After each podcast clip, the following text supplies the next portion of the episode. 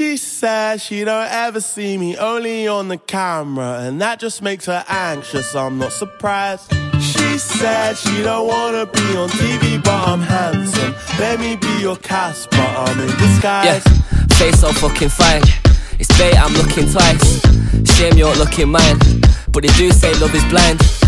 Fame gets put aside. I take my aim, you duck and dive. Yeah, any place I'm up inside just ain't the same. There's nothing right. Yeah, no, you like the finer things. Every night stepping designer skins. All you need a diamond ring. But if you don't reply, I can't buy you things. Board the plane, we fly Havana. Cut the chase, let's find the matter. You say you don't like the camera. Love the way you like Rihanna. She said she don't ever see me, only on the camera, and that just makes her anxious. I'm not surprised. She said she don't wanna be on TV, but I'm handsome. Let me be your Casper. I'm in disguise, in disguise, in disguise, in disguise. When I'm outside, I'm in disguise, in disguise. Won't play like a broken disc, but you still treat me like I don't exist. Sent a DM and closed it quick, woke up and prayed that you opened it. Keep you with a frozen wrist, but your ex man can't, he was old as shit. Take rides in a chauffeured whip, I'm the guy, but you just ain't noticed it. No, you like the nicer things, so just say the word, I'm sliding in. Don't know why you fighting things, you ain't gotta look far, you can find the king. Board the plane, don't like the manner. All the same, you guys are capper. You say you won't like a rapper. Love the way you like Rihanna. What you on about? I don't even like rappers. She said she don't ever see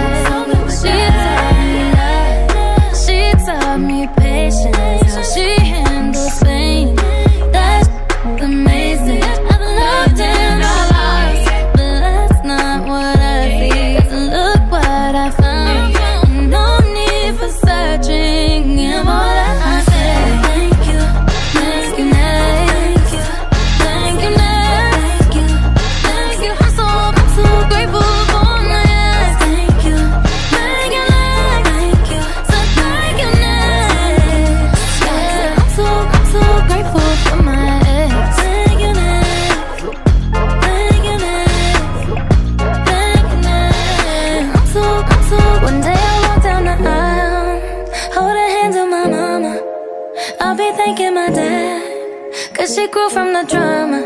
Only wanna do it once real bad Go make that last. God forbid something happens. At least this song is a smash.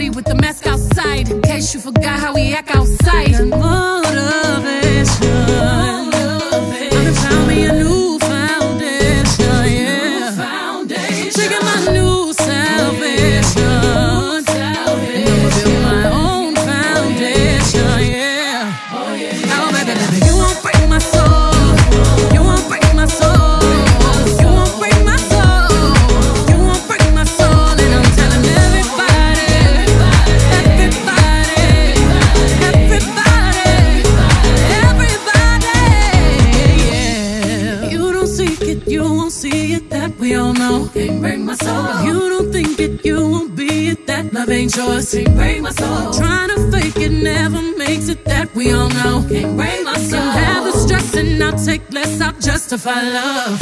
We go round in circles, round in circles, searching for love.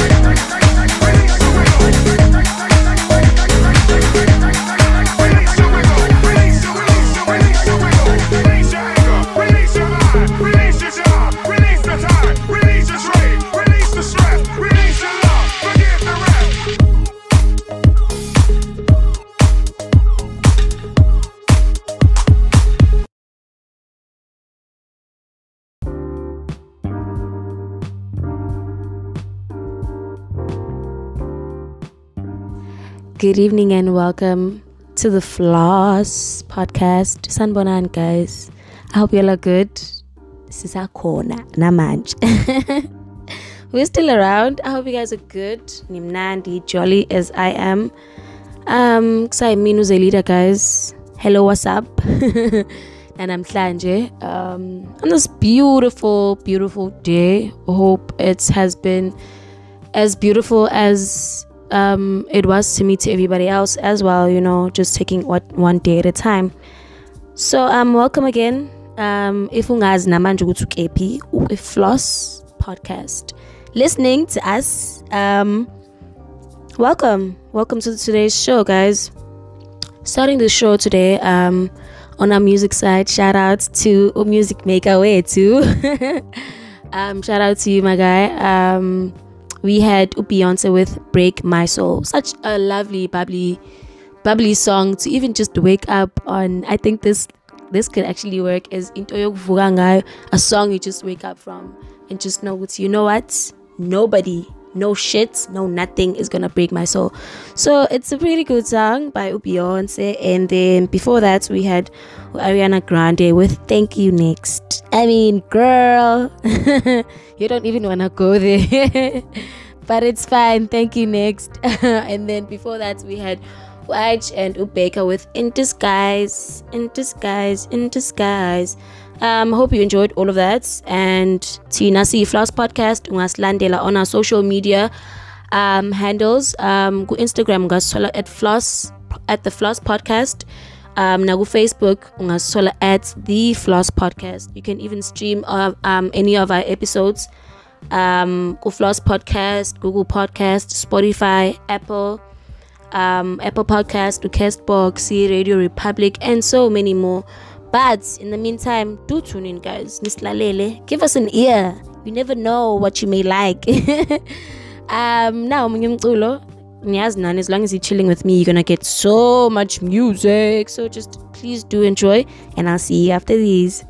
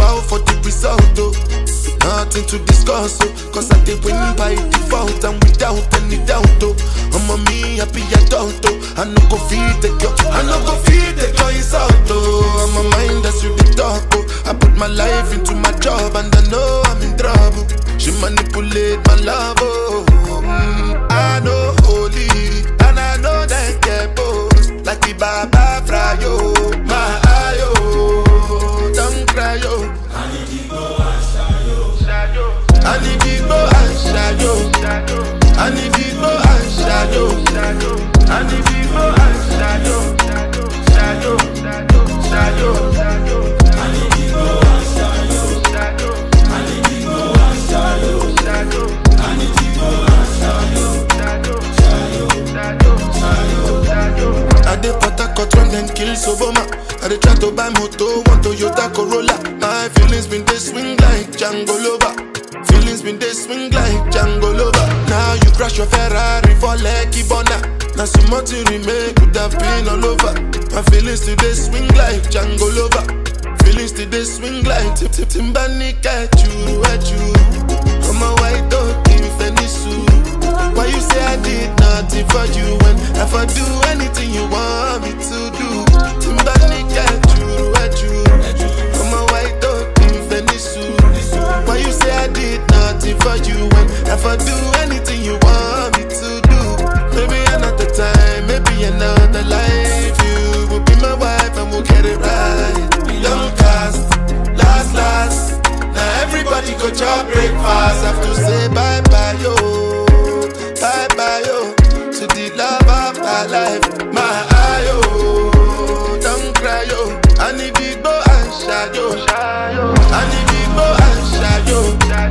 I need big boy and shadow. I need big boy and shadow. Shadow, shadow, shadow, shadow. I need big boy and shadow. I need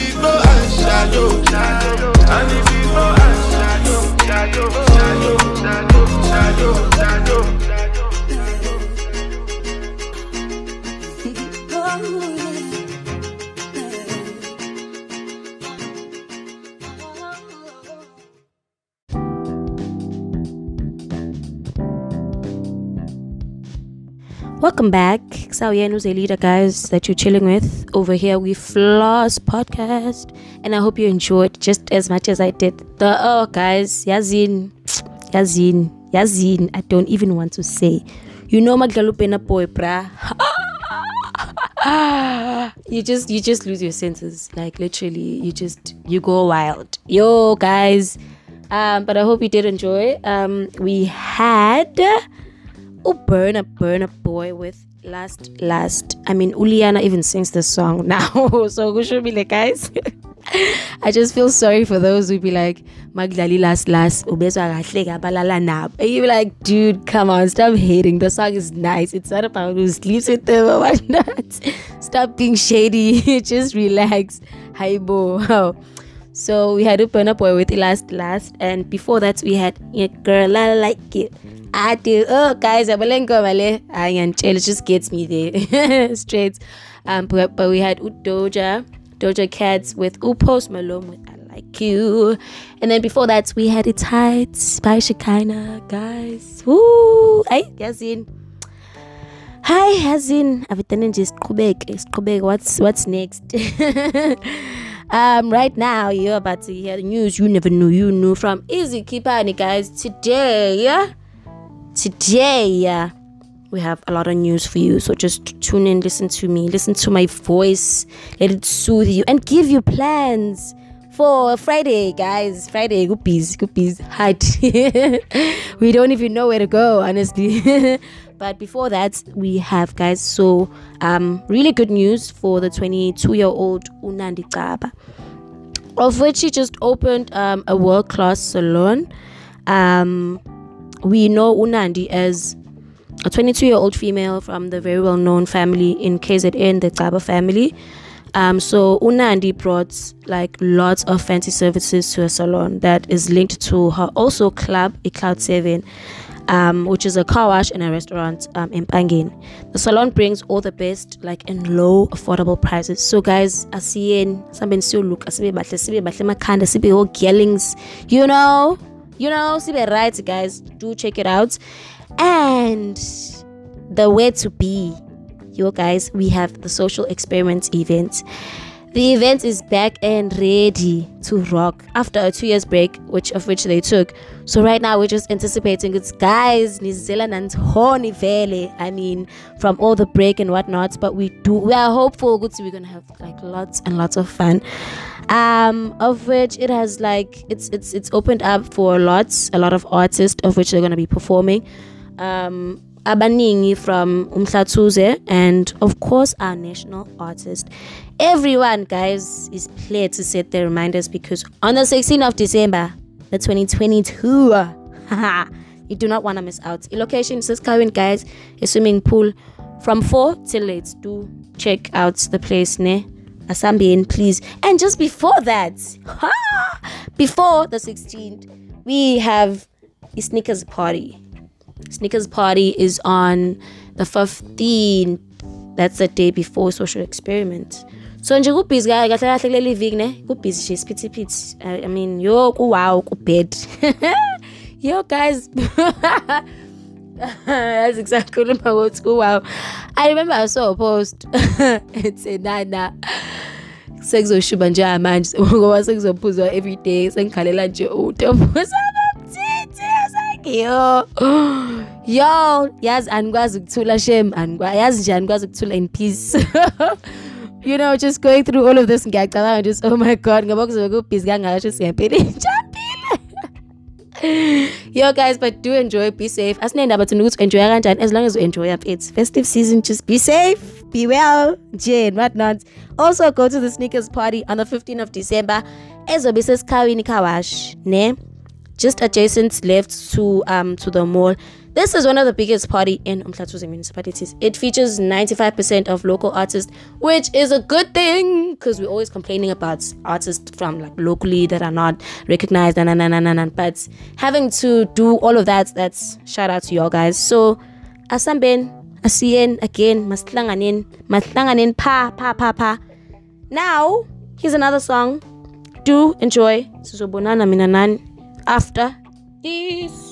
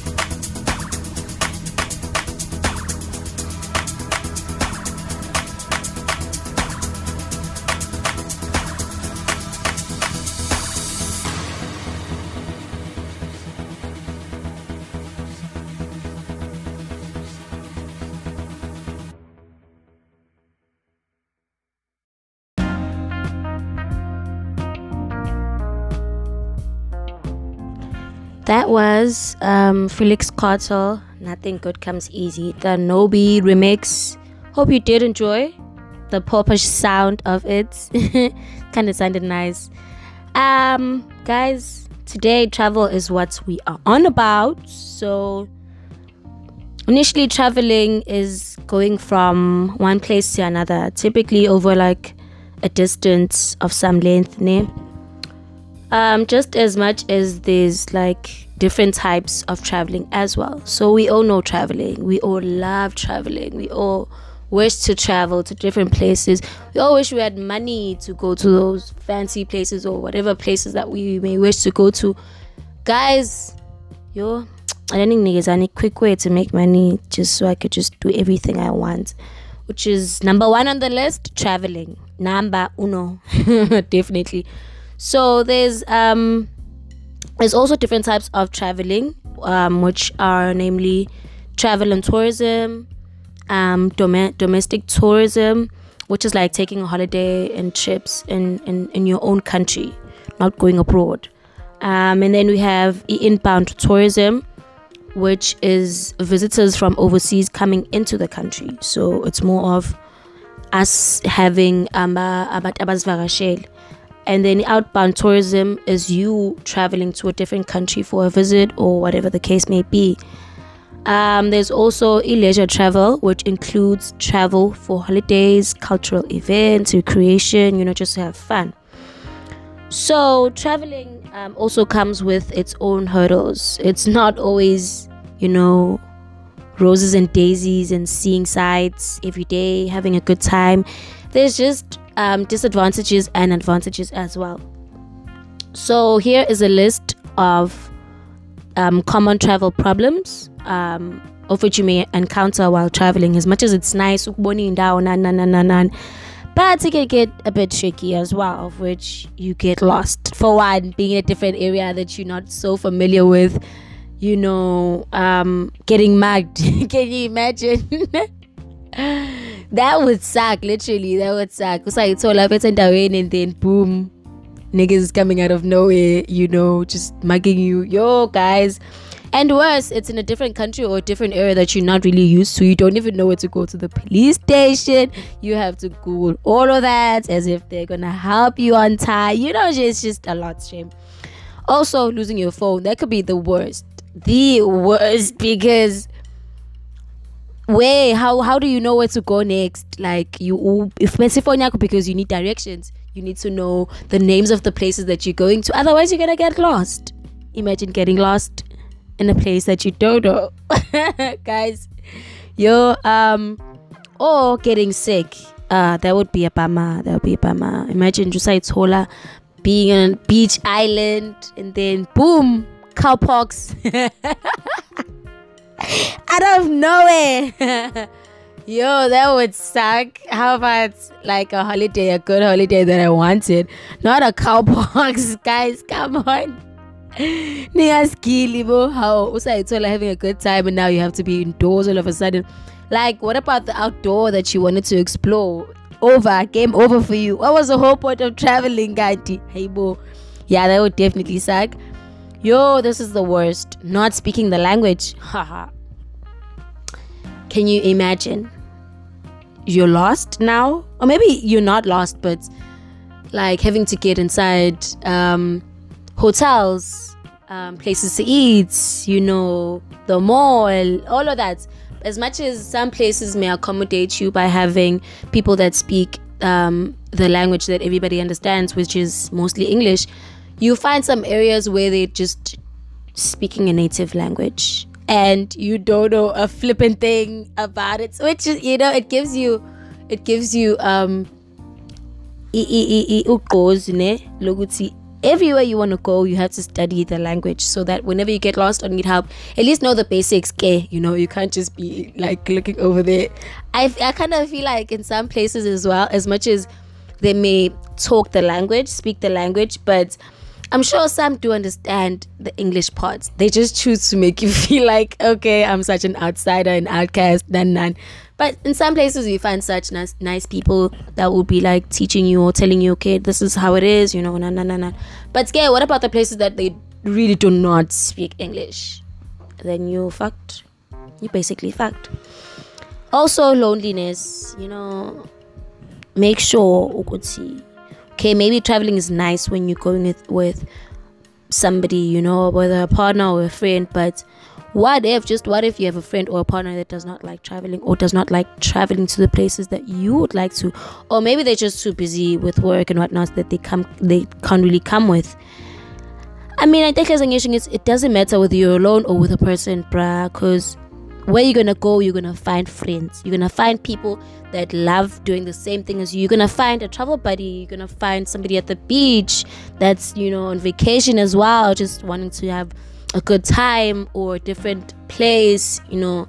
You're always gonna find that. So I don't think you can be lonely while traveling. Okay, maybe you can be, but you're just you're just doing that for yourself. You can meet people fine ukuthi Anna you don't want to go to places because you feel like doing a certain thing you only just it's only just you doing that thing. And abantu abaclose kuwe and I can't really do it or they're not really interested in it. Go! Go go play go go and play chess. You're gonna find people that like playing chess. Khona lapho zobe uyidlalela khona you know whether it's a, a place where you know vele ukuthi idlalela khona. Yes you're gonna find people you're gonna make friends with them and it's gonna be fine. Stop stressing about being lonely you'll be fine. So, another reason or common problem of traveling is you're running out of money. Can you imagine? Can you imagine? Who you're gonna call? Because all your friends are gonna turn their phones off. And your family is gonna tell you they're broke. They're gonna also tell you they didn't tell you you must go to this vacation, so you better go prepared, you know, so that you don't lose money what's gonna be of you? What's gonna happen of you? Like what's your next move in a different country? You can't even sell i'm a i'm a keep keep you're in a different place but maybe maybe it doesn't really matter with you in a different place let's just say you have just a little bit of money go to the beach sell ice cream oh it's forbidden going if you don't have a permit imagine in a different area in a different country cake my Okay, that sucks. Running out of money sucks. Also, missing out on your flights. Yo, imagine. I, I, I, wish to know, Guti Enana, if like your your tickets, you missed your flights or something like that. What happens to the ticket that you bought? Does it like your niggas my yako peki or my child just Oh my god. That would really suck. Like honestly, it would really, really, really suck but also it's not just only ilo it's not just only problems with traveling um, there's also reasons to love traveling which is um, you travel to live um, um, we travel to leave our, our world to a better place you know a different place. Because we all need that yakudinga shower more every once in a while you know be away from your your familiar surroundings. Just go to a different place you know. Be a different person. Not that you, you're being a different person, but you just don't care because nobody knows you in that area. You can be whoever you want. You can be you. You can be somebody else. You can dream big. You know, do a lot. It's it's good. Ukshawa more. You know. Also, um, traveling to meet different cultures.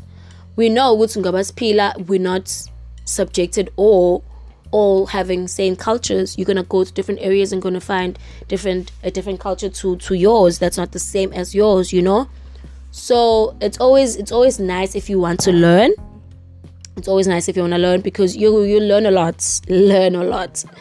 Um also we travel to escape irreality which is true as well because sometimes it just gets too much and you feel like you know what if i were in a different area all of this wouldn't be affecting me this much you know what i mean? So we also travel to relax. Yes, to get a breather. If you like at work all the time and you feel like, you know what, I need to travel, I need to go. show you know, be away from it all. Um, and we also travel to eat. Yes, why not? Why not? Ciao, ciao as you go. Everywhere you go, you're gonna find different foods. I think that's the most exciting thing about traveling because you get to try things that you're not used to, you know, all of that. So, JU, okay, traveling is on the list. Number one, number uno. So, we also have AMA benefits, benefits to you of why you should travel more often. Um, traveling makes you happier. It does. I mean, you come back and it, guys, we all know this. it doesn't even have to be traveling to like indawe kude. Ningin boyfriend, girls, ladies. Are just little glow, the happiness, like all the drama and the stress that you were having. Kaya, it's just gone for a little while. You forgot about it. You got paid, chill, whatever. Or you're at your friends, you're visiting for the weekend. It's always nice. It's always nice to just get away, you know? Um, also, you travel lets you disconnect and just recharge. So you disconnect from the place that you so used to and recharge in a different area. Breathe in a different air. You know, they say that helps as well. I, remember my mom used to say, "Hey, right." You know, so traveling also relieves stress and anxiety. Like they say, good see familiar surroundings may have or give you flashbacks of whatever scenarios that you may feel good see you battling with or going through. You know, so going to a different area can it can be both. I think it can be both. Yes it can give you anxiety because you're in a different area that you're scared of you know that you're not familiar of but it also give you time to learn because if you don't go out you're never gonna learn. You're gonna stay closed up and whatnot. And travel also exposes you to new things things that you're not used to doing you know you're so used to the same routine back at home. So when you're traveling it's like wow people actually do things this way and like this you know? So it's always nice and it, it, it also exposes others to new things which can be anyone anyone that you relate to or anyone that you related to. Yeah let me just put it like that. Anyone that, that you related to they're gonna learn whatever that you come back with. Very nice. oh I don't know. Good it was like this like that like that. Even though it's so much fun when you just traveling on your own and getting to see all of that by yourself. Also a travel makes you physically healthier. How though? How does how how? Physically healthier. Is it because you're trying out different things, eating differently, you know, trying to, you know, start off fresh in a different area, you know, for that time being, also travelisha. You guys also, traveling can boost your creativity. You get to bump into stuff that you never see or don't usually see around you, you know. So obviously that that's gonna spark something inside you. Definitely, def definitely. Like it's like niggas and just some different vibe where you see what you know this can can work in my in my advantage, you know? So I guess we all agree traveling is on the list of things to do and things to be doing, you know? Travel, guys, make sure that you travel. So we travel to bring what little we can in our ignorance and knowledge to those parts of the globe whose riches are differently dispersed. And we also travel in essence to become young fools again, to slow down time and get taken in and just fall in love once more, you know? Travel also can teach you a confidence, independence, and freedom it boosts your self awareness and your problem solving skills. Travel shows you that you can navigate a foreign country, make new friends, and overcome difficult situations. So it's like a, a mixture of all feelings. You know, you're scared, you being in a different area, but in that time, you getting to know new people, you getting to make friends, you getting to manage in a different place on your own without knowing anyone, you know? So let's just forget about, you know, all the ne- all the negatives.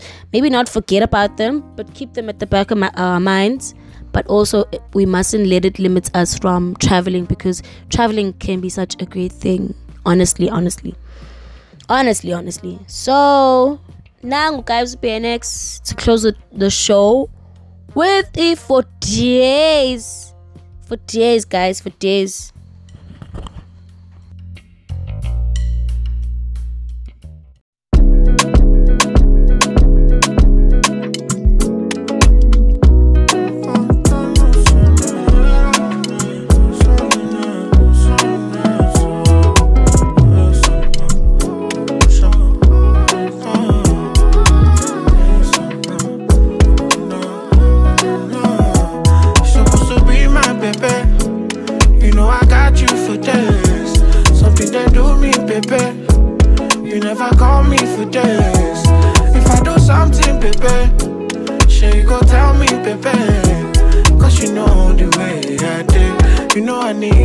right beside me. You're supposed to be my baby. You know I got you for days. Something to do me, baby. You never call me for days. If I do something, baby, sure you go tell me, baby. Put you in one minute, I'm confident, and I finish. I tell you, say, me don't jogodo. On gas, I'm go, my cup running over.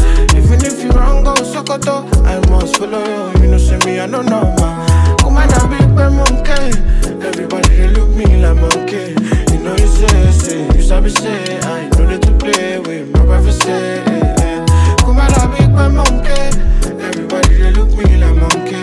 You know, you say, say, you sabi say, I know that to play with my brother say. eh, eh. You supposed to be my baby.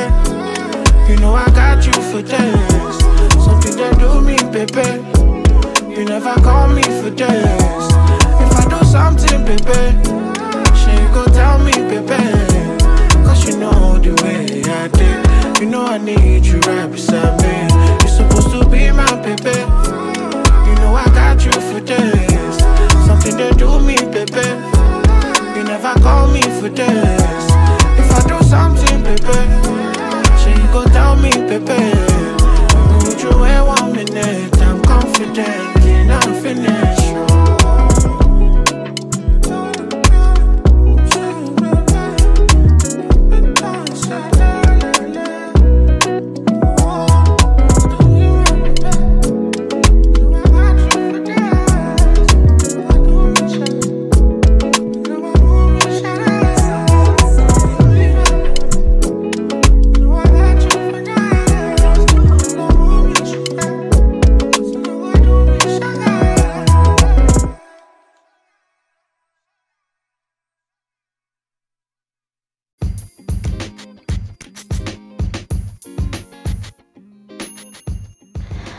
Nimzwile guys will be next with for days. Hope you did enjoy and I hope you did enjoy today's show as well.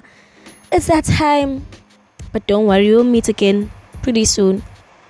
Saimina, Tobiagam Zimela, Uzelida, which you can find me on socials. Instagram, Uzelida Mzimela. Um, TikTok, Uzelida Mzimela. Facebook, Zelida Mzima. Hit me up, guys. Mkona. I'm da. Alright. Um, also, my social media um, handles for the podcast is um, at the Floss Podcast or Instagram at the Floss Podcast Nago Facebook. Do find us there, guys. Hit us up on anything that you may have, whether it's questions, um, reviews on the show, to listen. But for now, till we meet again, love y'all. Have a good week. Ciao.